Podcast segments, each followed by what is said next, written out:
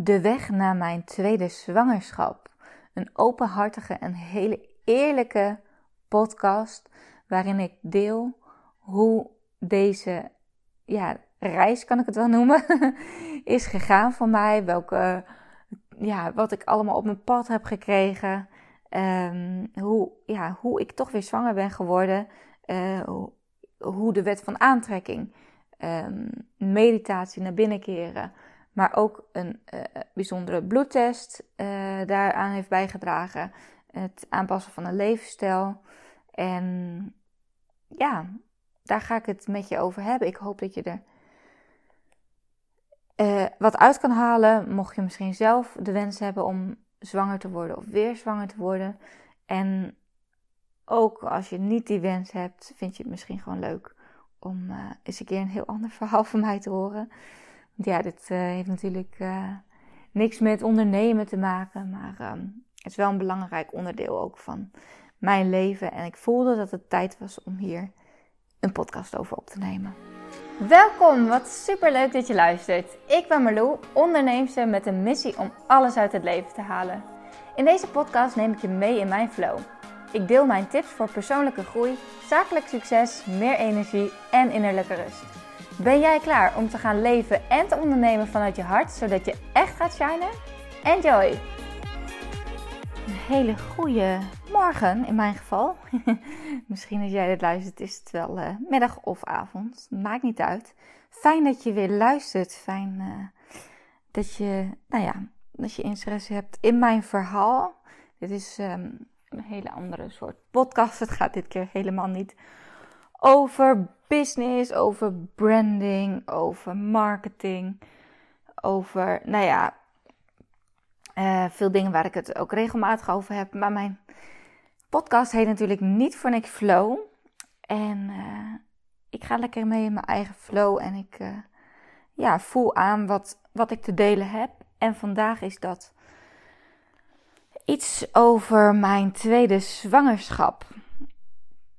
Um, ja, want uh, nou ja, als je mijn podcast hebt geluisterd over dat ik weer in verwachting ben van onze regenboogbaby, zoals ze dat zo mooi noemen, een kindje wat geboren wordt na een uh, sterrenkindje, dan weet je dat uh, het eventjes heeft geduurd. En um, ja, ik, ik ben altijd graag open en eerlijk. En ik heb er heel bewust voor gekozen om in die periode het niet te delen. Zeg maar dat ik daarmee bezig was. Omdat ik dan juist ging focussen op dat het niet lukte. En ik geloof ontzettend in de wet van de aantrekking. En nou zou ik heel eerlijk zijn. Natuurlijk heb ik dat ook wel met vriendinnen gedeeld en zo. Maar ik dacht, ja, als ik het nu oud in die open ga delen, dan wordt het helemaal zo'n ding. En dan komt er alleen nog maar meer druk op te liggen en dat wilde ik niet. Dus um, ja, nu dat ik weer zwanger ben, denk ik dat het tijd is om hier het een en ander over te delen. En ik hoop natuurlijk dat je er wat aan hebt. Want ja, wat ik wel vind is dat er best nog wel een taboe ligt op het hele zwanger worden. En als je zo om je heen kijkt, dan weet je ook wel dat het niet bij iedereen de eerste keer raak is. En dat het helemaal niet zo vanzelfsprekend is om zwanger te mogen en te kunnen worden.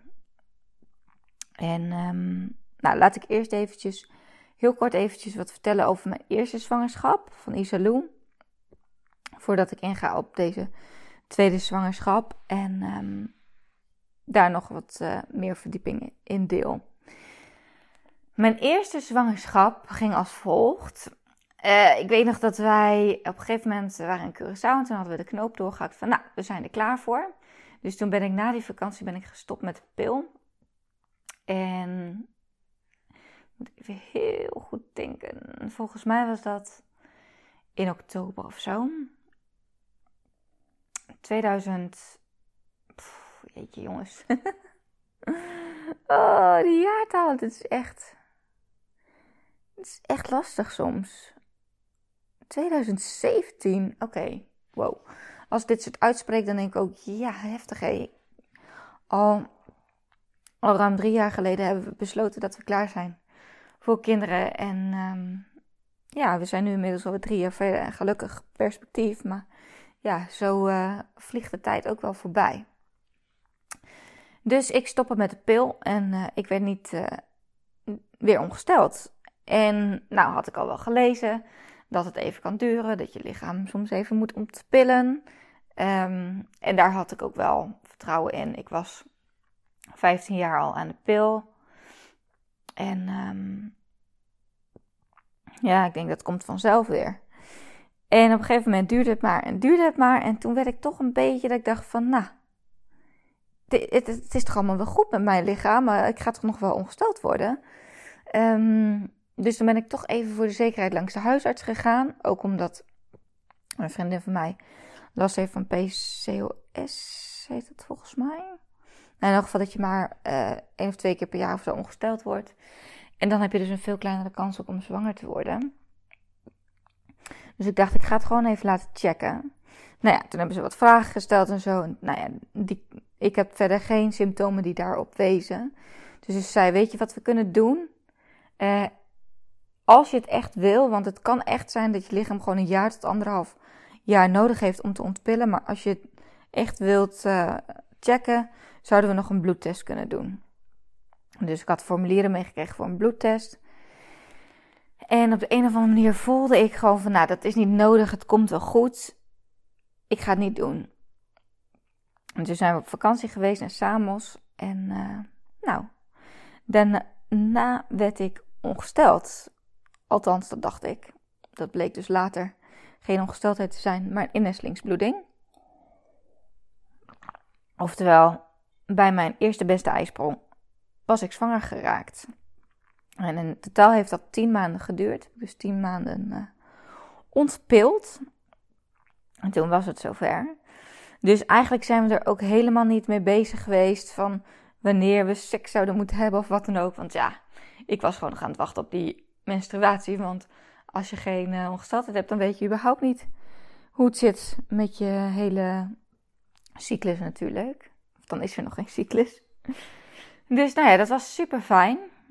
En um, nou ja, helaas dus uh, 24 weken is de zwangerschap onverwachts afgebroken. Uh, geen reden voor gevonden. En toen kregen we het advies om te wachten om weer zwanger te worden. Het was best wel lastig in het begin, weet ik nog. Want nou ja, toen het misging, had ik echt zoiets van... Ja, ik wil direct weer zwanger worden hoor, hallo. Uh, je hebt al die hormonen in je lijf. En het is ook best heel bijzonder om te zien wat er met je lichaam gebeurt. Ik heb natuurlijk, en dat vind ik soms best wel een dingetje als mensen zeggen: Ja, oh ja, ik heb ook een miskraam gehad. Dan denk ik: Ja, miskraam is ook heel heftig. Begrijp me niet verkeerd. Absoluut heb ik in het verleden misschien best wel wat licht over gedacht. En dat neem ik nu ook heel serieus. Maar een miskraam is niet hetzelfde als een vroeggeboorte. Want een vroeggeboorte uh, is. Ja, daarbij moet je je kind echt baren. En uh, ja, alles erop en eraan, weet je wel. Dus het is gewoon. Je lichaam heeft gewoon door. Er is een kindje gebaard. Je hebt een. Je bloed als een rund. Daarna nog. Uh, de hele borstvoeding komt op gang. Ik weet nog zo goed dat ik hier op de bank zat. Met koolbladeren om die stuwing te verminderen. En oh, dat was echt hels. Dus je, je, hele, je lichaam heeft helemaal door, er is een kind gebaard. Uh, en al die, alles werkt, zeg maar. Maar ja, je kan geen borstvoeding geven, want er is geen kindje om borstvoeding aan te geven. En dat was gewoon best wel pittig. Maar ook wel weer heel mooi om te zien hoe die natuur in zijn werk gaat. Ik vond dat echt wel heel bijzonder. En toen hebben ze dus in het ziekenhuis geadviseerd om minimaal een half jaar te wachten om weer zwanger te worden. Ja, zoals ik al zei, in het begin vond ik dat moeilijk. Maar ja, eigenlijk al na de eerste nakontrole, zeg maar, had ik al wel zoiets van ja, dat is oké, weet je. Ik moet dit eerst een plekje gaan geven. We moeten hier doorheen, dit rouwproces. Um, en ik moet mijn lichaam ook gewoon tijd geven om te herstellen. Dus toen hadden we inderdaad besloten, nou, we gaan wachten. En ondertussen was ik natuurlijk ook gewoon nog weer aan het wachten op mijn uh, volgende uh, ongesteldheid. Nou, daar heb ik ook wel in mijn vorige, een vorige podcast wat over gedeeld. Ik ging op retreat naar Ibiza. Um, om weer even naar binnen te keren en gewoon ook, nou ja, ook wel echt een soort healingproces in te gaan voor het, uh, voor het ja, rouwproces, zeg maar. En daar heb ik een hele mooie meditatie gedaan uh, met een steen die ik van de Rijke Masseuse had gekregen, een rozenkwarts. En connectie gemaakt met Isalou, onze dochter. En daarna ging ik naar het toilet en was ik weer ongesteld. En dat was echt, nou, ik heb nooit gejankt van blijdschap dat ik weer ongesteld was geworden. Maar het was echt zo mooi. En even denken hoor, dat was begin april. En ik ben 21 januari bevallen. Dus dat, uh, ja, ik moet heel eventjes denken, dat heeft 2,5 maanden geduurd ongeveer. En dat is prima, dat is prima. Dus, um, maar goed, toen had ik uh, geen regelmatige cyclus. En in het begin was dat niet erg natuurlijk, want ik mocht, of nou ja, niet erg, ja, het was wel wat lastig. want je, uh, nou nee, we deden het gewoon veilig, laat ik het zo zeggen. Niet dat we het erop gokten of zo. En, um, maar ja, op een gegeven moment was dat half jaar verstreken. En toen dacht ik, nou, kom maar door met die volgende zwangerschap. Maar dat bleek toch niet zo uh, makkelijk uh, te gaan. Omdat ik ja, natuurlijk helemaal geen idee had wanneer mijn ijsprong was. Want ik had echt een cyclus van. Nou, het begon in het begin echt met 42 dagen. En op een gegeven moment was het wel wat korter in de 30 dagen en dan weer een keer wat langer. Dus het was gewoon onregelmatig. Maar in elk geval, ja, vond ik dat wel heel vervelend. Want als je dus een hele lange cyclus hebt, dan heb je ook niet zoveel kansen om zwanger te worden. Omdat je cyclus is langer en je hebt minder vaak een ijsprong. En wanneer heb je dan die ijsprong? Normaal gesproken zeggen ze als je eh, een cyclus hebt van 28 dagen, is het ongeveer rond dag 14. Maar ja, hoe zit dat dan als je cyclus uh, uh, rond de 36 dagen is bijvoorbeeld? Geen idee. Geen idee. En wat ik eigenlijk gewoon niet wilde, is er obsessief mee bezig zijn. Ik dacht, ja, weet je, het komt. Als het zover is, dan komt het. En ik mag vertrouwen houden. Maar um, dat lukt in het begin ook wel. Dan heb je op een gegeven moment elke maand dat je weer, of nou ja, maand dan in mijn geval, dat je weer ongesteld wordt. En dat je weer hoop krijgt van, oeh, misschien is het weer een inhesteling, een inhestelingsbloeding. En dat het dan toch weer doorzet en dat je niet zwanger bent. En ja, ik zou heel eerlijk zeggen, ook voor mij was dat gewoon best wel vervelend en naar. En Zeker ook omdat je het zo graag wilt. Je hebt, ja, ik heb het mogen ervaren. Ik heb een kindje in me gedragen. Ik heb het voelen schop in mijn buik. Ik heb het gebaard. Ik heb het op mijn borst gehad.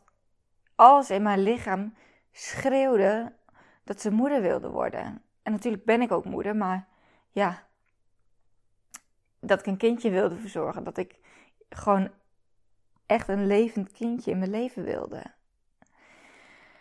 En dan is het heel makkelijk te zeggen van, ja, maar Lou, laat het los, het komt vanzelf.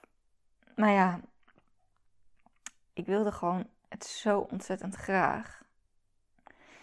En um, ja, hoeveel ik ook bezig ben met persoonlijke ontwikkeling en de wet van aantrekking, toch bleek het in de praktijk best wel lastig om er niet zoveel mee bezig te zijn. En ik heb wel echt, ja, ik heb wel, het is niet dat ik direct dacht, oké, ik moet nu met ijsprongtestjes en zo, helemaal niet. ik had er wel, ja, ik weet niet, ik had wel toch wel vertrouwen dat het wel kwam. En ik heb dus een mooi boek gelezen, Spirit Babies. Wat daar ook over ging, dat je baby al, het zieltje al bij je is. En dat het, ja, als, als het zieltje er klaar voor is en als jij er klaar voor bent, dat het dan gaat gebeuren. Um, dat boek is trouwens alleen in het Engels. Ik kreeg, ik kreeg aanleiding van mijn vorige podcast best wel wat vragen over. Maar um, nou, dat vond ik wel een hele mooie gedachte. En ja, dus in die zin heb ik, uh, het klinkt nu een beetje van, nou, het was heel moeilijk. Het was ook heel moeilijk. En zeker als ik dan weer hè, bij vrienden kwam met uh, allemaal kids. En ja, het was gewoon best wel veel confrontatie. En poeh, dat was wel echt even dat ik dacht van, nou, hier heb ik mee te dealen. Het ging ook oké, maar ik zou niet ontkennen dat het soms gewoon zwaar kloten was. Um, en, en dat ik ook wel heb ervaren dat ik sommige opmerkingen van anderen best wel ondankbaar vond. Ik weet nog dat ik een gesprek had met een vriendin over of ze uh, eventueel weer zwanger zou willen worden. En toen uh, voor een volgend kindje. En toen zei ze: Ja, maar ik weet het niet. En dan, oh, die einde van de zwangerschap, dat is zo zwaar. En dan heb je daarna dit. En dan die slapeloze nachten. En dan dit en dit. Toen dacht ik echt: Yo, ik zou echt niks liever willen dan dat. Maar goed. Ja, dat is voor iedereen is dat natuurlijk ook weer. Um, ja, anders en een ander perspectief. Dus prima. Maar um, op een gegeven moment werd ik toch wel een beetje ongeduldig. Ik dacht, ja, de maanden verstreken en verstreken. En dan heb je op een gegeven moment natuurlijk de mijlpaal van een jaar. Dat Isalou een jaar geleden uh, geboren was. En dan denk je, ja, ik sta nu nog steeds met lege handen. En um, nou, toen ben ik toch maar een keer naar het ziekenhuis gegaan. Om even te laten meten. Uh, één keer mee te laten kijken met mijn cyclus. Zodat ik een beetje een idee had van wanneer die ijsprong ook was.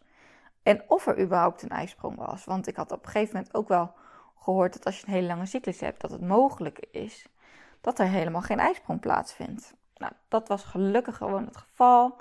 En er waren gewoon genoeg eitjes. En ergens wist ik dat ook wel. Maar nou ja, het zorgde wel voor een soort bevestiging. Want ja, weet je, je hebt een uh, vroeggeboorte gehad. Dus je lichaam heeft je toch een beetje in de steek gelaten voor je gevoel. En je raakt toch een beetje het vertrouwen in je lichaam kwijt. Dus dat was wel een mooie bevestiging dat alles wel gewoon goed zat. En toen ging ik een beetje van die dag uit dat ik toen een ijsprong had, zeg maar. Dat was volgens mij op de 21ste dag. Maar ja, weet je, uh, uiteindelijk uh, werd ik toch niet zwanger. Zelfs niet toen we het ziekenhuis, dat ze het ziekenhuis zei, nou, uh, ga naar huis, je hebt huiswerk. Toevallig kwam ik toen precies op het goede moment blijkbaar. Maar ja, ook al weet je wanneer je een ijsprong hebt, hoeft het natuurlijk niet altijd direct te gebeuren. En zeker niet in de wetenschap. Dat, dat het zieltje er ook gewoon klaar voor moet zijn. En dat vind ik wel een hele mooie gedachte. En um, nou, op een gegeven moment ben ik toen gestart met mijn um, mastermind traject. Ging ik een groep van uh, zeven vrouwen begeleiden om te groeien uh, als personen met hun business. En een daarvan, uh, een van de deelnemers was Lisbeth. En Lisbeth is van Studio Health. En zij vertelde me op een gegeven moment iets over een EMB bloedtest die zij afnam bij haar klanten. En die ook, nou ja, waar je gewoon heel veel informatie uit kunt halen. Dus dat vond ik mega interessant. Dus ik dacht, ik ga ook EMB bloedtest doen. En een EMB bloedtest is een soort energetische bloedtest. Ik zal heel eventjes kijken of ik, uh, of ik een mooie toelichting kan. Uh, een energetische morfologische bloedtest, dat is het. Ehm, nou ja, weet je, je hoort er wel eens verhalen over dat, dat, dat, er, uh, dat dat niet wetenschappelijk onderlegd is en het is meer holistisch, bla. Maar goed, maakt niet uit. Ik dacht, ik ga dat gewoon doen. Ik geloof hierin. Ik ben gewoon heel benieuwd wat er überhaupt uitkomt. Nou, ik heb een heel rapport van, van uh, Lisbeth ontvangen. En um, Lisbeth de Boer trouwens. en uh, daar stond echt van alles in. Uh, en nou ja, op basis daarvan heb ik een maand lang ben ik heel serieus aan de slag gegaan met mijn voeding. Want ja, ik was al serieus aan de slag met mijn uh, mindset en met mijn leefregels. Dus ik had echt wel veel meer rust voor mezelf ingebouwd. Dus met mijn rustige ochtendritueel. Um, maar goed, ik heb natuurlijk jarenlang heel veel stress gehad. Ik ben inmiddels bijna tien jaar onderneemster. En voordat ik uh, ging bevallen van Isalou, heb ik echt wel heel veel stress gehad. En dat, om dat helemaal uit je systeem te krijgen, dat heeft echt wel tijd nodig. Dus dat kwam ook wel een beetje uit die test. Um, even kijken hoor, er stond energetisch gezien is er een lichte blokkade in de bijnieren geconstateerd. In je bijnieren worden de stresshormonen cortisol, adrenaline en de geslachtshormonen aangemaakt. Jouw bijnieren hebben het dus zwaar. Voorkom een bijnieruitputting, oftewel een burn-out en neem voldoende rust. Nou, daarna stond er dus nog in. Ik dacht van ja, maar ik neem toch al best wel veel rust. Dat is echt wel. Ik heb niet het idee dat ik veel stress heb of zo. Maar um, uit die test kwam dus ook dat bij mij. Uh, even kijken hoor. Ergens stond dat. Progesteron. Oh ja, dat ik dus. Um, nou ja, qua hormonen kwam eruit. Uit de test blijkt dat jouw hormonen uit balans zijn. Dit heeft te maken met stresshormonen, adrenaline en cortisol, oestrogeendominantie en insulineresistentie. En bij oestrogeendominantie is er relatief veel oestrogeen in het lichaam ten opzichte van progesteron. Voldoende progesteron is heel belangrijk voor een gezonde menstruatiecyclus, een succesvolle innesteling van het vruchtje en is in het eerste deel van de zwangerschap cruciaal voor het in stand houden van de zwangerschap. Nou, wat ik kan doen als advies kwam daar dus uit reduceer stress, want progesteron kan worden omgezet in cortisol. Dus het zou kunnen zijn dat dat bij mij inderdaad het geval is geweest. En wat er ook heel duidelijk in stond, bij stress denken wij natuurlijk altijd aan mentale stress. En natuurlijk had ik emotionele en mentale stress gehad. Hallo, ik had mijn kindje verloren. Dus ja, hoewel ik wel weer rust in mijn leven had ingebouwd qua werk en zo, uh, is zo'n rouwproces natuurlijk ook gewoon stressvol voor je lichaam. Maar daarnaast kun je dus ook stress opbouwen door verkeerde voeding. Dus als jij dingen gaat innemen waar je lichaam eigenlijk helemaal niet zo goed tegen kan, ziet jouw lichaam dat ook als stress.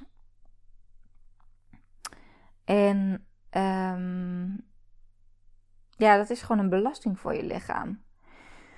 En hier staat ook het, uh, dat, dat in de hersenen wordt geen onderscheid gemaakt van waar de stress vandaan komt.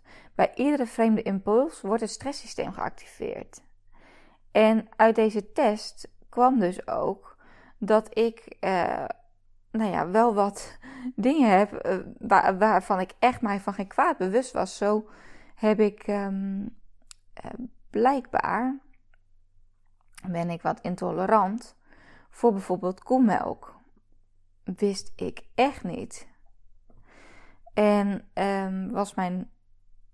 even kijken hoor. Er kwam onder andere ook een endorfineresistentie naar voren. Het lichaam beschikt over een zelfherstellend vermogen van stress, ziekte, trauma's en andere vormen van belasting uh, geneest. Dit herstelproces wordt bestuurd door het endorfinesysteem. Dit systeem bestaat uit drie stofjes: endorfine, enkefaline en dynorfine. Als dit systeem langdurig en intensief wordt gebruikt, dan neemt de werking van het endorfinesysteem af. Dit kan komen door exorfinen in voeding, bijvoorbeeld gluten, zuivel, soja en spinazie, maar ook door suiker, uh, 621 geneesmiddelen, uh, drugs, gedragsverslavingen, langdurige belastende stress en trauma's. Bij een verminderde werking van het endorfinesysteem, dus resistentie, neemt mentale en fysieke stress toe. Nou, dat kwam dus ook nog uit de test. Uh, en qua voeding ben ik dus, nou ja, was mijn darmwand aardig. Even kijken of ik dat hier kan vinden. Was, er was iets met mijn darmwand. Even kijken. oh ja, inderdaad. waardoor ik. Um, waardoor het geadviseerd werd om even een maand lang geen gluten te eten. Nou ja, en er kwam dus uit dat ik lactose intolerant ben. Lactose, ik ben even het document, het is echt een heel adviesrapport, zo mega interessant. Um, oh ja, lichtere mate ben ik intolerant voor lactose, soja en tarwe. en ik ben intolerant voor koemelk. Dus ja, als ik elke dag dat lekker eten, drinken en alles, dan uh, ziet je lichaam dat ook als stress. Dus, wat heb ik gedaan? Ik ben een maand lang heel serieus hiermee aan de slag gegaan. Ik heb uh, van Lisbeth uh, voedingssupplementen gekregen. ik had bijvoorbeeld ook een tekort aan omega-3, dus daar heb ik, dat heb ik ook gekregen. Maar ook vitamine B12, vitamine C, vitamine D, um, magnesium en calcium. En dat ben ik gaan slikken, terwijl ik eigenlijk nooit supplementen slikte of vitamine of wat dan ook. En ik heb een maand lang geen alcohol genuttigd. En geen gluten. Helemaal glutenvrij. En uh, geen koemelk.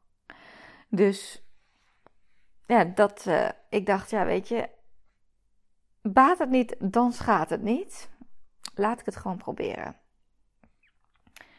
En vervolgens um, heb ik een hele mooie meditatie gedaan.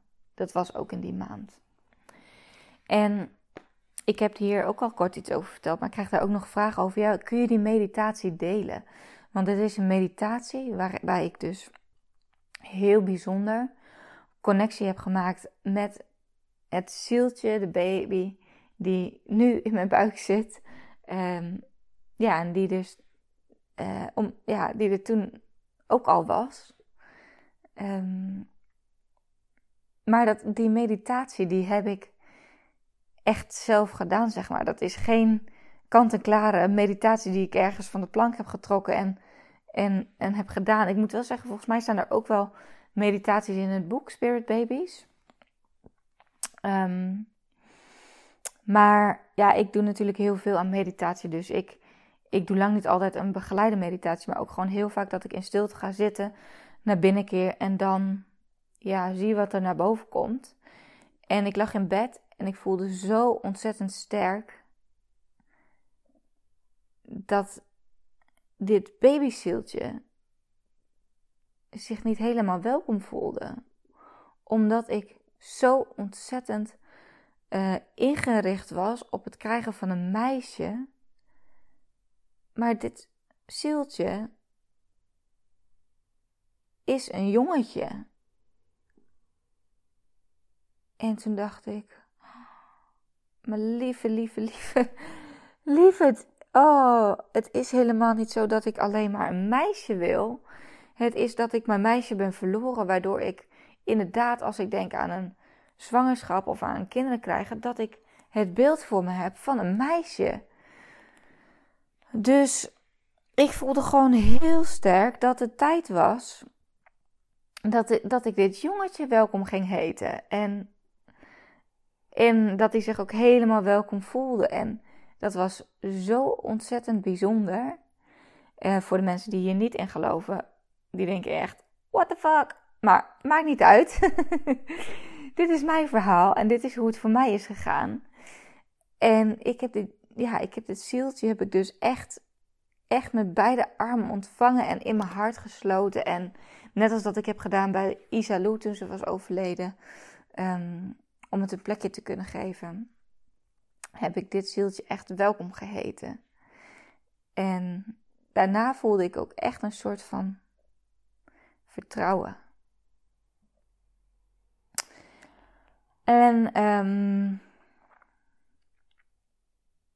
ja, die maand daarna was het zover. Ik moet heel eerlijk zeggen dat ik ook in die maand uh, toch het advies had opgevolgd van een vriendin. Malou, ga nou toch eens een keer die ijsprongtesten doen. Die ovulatietesten, want zij was daardoor zwanger geworden. En zij had er ook best wel een tijdje over gedaan. Dus, uh, en ik had al wel een keer zo'n ovulatietest gedaan, maar dan deed ik het zeg maar sporadisch zo ergens rond die datum. En dan zag ik niet per se iets of wel iets lichts. Niet heel serieus mee. Dus ik ben één keer serieus, met de hele maand serieus met mijn voeding, uh, supplementen, vitamines, rust ook, meer gaan yoga en dergelijke, uh, aan de slag gegaan. Um, en ik heb dus ovulatietest gedaan. Nou, toen bleek dus dat mijn ovulatie helemaal niet ergens tussen die, nou wat ik altijd voor mezelf een beetje aanhield, was tussen die uh, 14, 21 dagen. 21 dagen was natuurlijk toen ik een keer naar het ziekenhuis was geweest. Maar het was echt veel later. Uh, volgens mij was het dag 26 of dag 28. En um, ja, die maand daarna was het raak. En dat was uiteindelijk tien maanden na het half jaar. Dus ook wel bijzonder eigenlijk. De eerste keer hebben we er ook tien maanden over gedaan, zeg maar. Tussen aanhalingstekens. En nu heeft het ook weer tien maanden uh, geduurd. Nadat we daar. Na, nadat het weer mocht, zeg maar. Maar niet, niet als je kijkt wanneer we er klaar voor waren. Want dat was dus echt al meer dan drie jaar geleden. Dus ja, dat is mijn verhaal. En uh, misschien kun je er iets uithalen. En wat het is geweest, ja, je weet het niet. Maar um, de EMB bloedtest vond ik sowieso heel interessant. Uh, die heb ik gedaan via Studio Health. Dus Health van gezondheid. Studio Health uh, van Lisbeth de Boer www.studiohealth.nl. Ik zal de link ook eventjes delen in deze bio of biografie, in deze uh, beschrijving van de podcast. En ja, dat boek Spirit Babies kan ik dus aanraden. Die zal ik ook even bijzetten. En uh, ja, naar binnenkeren meditatie. Dat heeft voor mij echt wel aan die connectie ook opzoeken. En ik heb ook nog een keer een hele bijzondere healing gedaan. Um, dat, die had ik. Uh, en daar geloof ik ook echt niet in toeval, want die kwam dus weer op mijn pad. Deborah Kilby. Deborah Kilby Healing. En zij is uh, gespecialiseerd. Ik ga even eventjes haar website erbij zoeken. Zij kan ook connecten met zieltjes, zeg maar. Het was een hele bijzondere healing meditatiesessie. Deborah Kilby van Mother Heart. Ja, zo heet haar website, haar bedrijf. Mother Heart, daar, kun je dus een, uh, ook eventueel een sessie boeken. Want dat vond ik ook wel heel erg mooi. Daar ga ik nu niet al te, al te veel op in, want deze podcast duurt al veel te lang. Maar um, ja, tot zover mijn verhaal. Inmiddels ben ik bijna, morgen ben ik 27 weken zwanger. En wauw, dit is echt heel bijzonder, want dit is gewoon iets wat ik nog nooit heb meegemaakt over de 24 weken heen. En een kleine man, het geslacht is natuurlijk nu dus bekend. Het is een jongetje. Oh ja, dat is nog wel heel interessant. Want ja, wat gebeurde er toen? Ik wist zwanger en ik dacht, ja, de, ik ben zwanger van een jongetje. Want ik heb gevoeld dat ik dit jongetje echt welkom heb gegeten en dat het zieltje. Maar toen was ik op een gegeven moment toch weer wat langer zwanger en ik merkte toch aan mezelf dat ik weer een beetje terugging in mijn oude patroon van de vorige, keer, vorige zwangerschap van het krijgen van een meisje. En toen had ik met 12 weken had ik een echo en toen zei ze: Wil je het geslacht weten? Ik zei: Hè? Kan dat nu al dan? Ik dacht: Met week 16 of zo uh, gaan we dat uh, zien. Ze zei, uh, nou, ik kan even kijken. Nou, toen wist ik natuurlijk al genoeg. En toen bleek dus met 12 weken wisten we al dat het een jongetje is. En ehm, ja, dat was eerlijk gezegd toch nog weer heel even een klein beetje omschakelen. Maar aan de andere kant wist ik het ook en is het helemaal goed. En is het ook wel misschien heel fijn dat het helemaal anders is dan vorige zwangerschap. En hoe leuk is het ook uh, om een jongetje te krijgen. Maar um, ja, dat, dat nog eventjes uh, als laatste toevoeging. Als je bezig bent met, uh, of als je graag ook zwanger wilt worden, um, wil ik je ook zeker adviseren om je toch ook te gaan verdiepen in de Law of Attraction, de wet van de aantrekking. Um, ik heb het tijdens mijn MBB Mastery Live dag ook weer gedeeld. Heb ik een hele masterclass erover gegeven. Uh, hoe moeilijk het soms ook is, probeer er toch echt met vertrouwen uh, mee, om te, mee om te gaan. Want vanuit angst kun je niet creëren. En vanuit liefde en overvloed kan er iets moois ontstaan. Zie het maar als dat je zand op je hand, in je hand hebt en dat je dat vast wilt houden, krampachtig, dus dat je je hand echt in een vuist knijpt. Je ziet het nu niet, maar ik zit hier echt met de vuist op de bank. Dan zijpelt het zand zijpelt tussen je vingers door. Terwijl als jij je hand gewoon losjes in een kommetje, zeg maar, ophoudt en daar zand op legt, dan blijft het liggen. Dus probeer er toch niet te krampachtig mee om te gaan. Um, en probeer vooral en probeer echt het vertrouwen te houden dat het, dat het gaat gebeuren. En het hoe en wanneer, probeer dat echt los te laten. En als je het toch, als je het, als je het toch moeilijk vindt, dan hoop ik dat je iets kunt met de tips die ik in deze podcast heb gegeven. Um, en weet dat je niet alleen bent. Er heerst echt nog een beetje een taboe op. Maar het is niet vanzelfsprekend. Het is niet altijd vanzelfsprekend. Maar vertrouw erop dat als het de bedoeling is, dat jij een mooi kindje bij je gaat dragen. Dankjewel voor het luisteren. Heel fijn dat je uh, deze podcast ook uh, een rating wilt geven op iTunes. Dat kan door sterren te geven. Eventueel een reactie achter te laten. Dat zou ik helemaal leuk vinden. En um, ja, ik ga hem hierbij afsluiten. Tot de volgende podcast. En dankjewel voor het luisteren.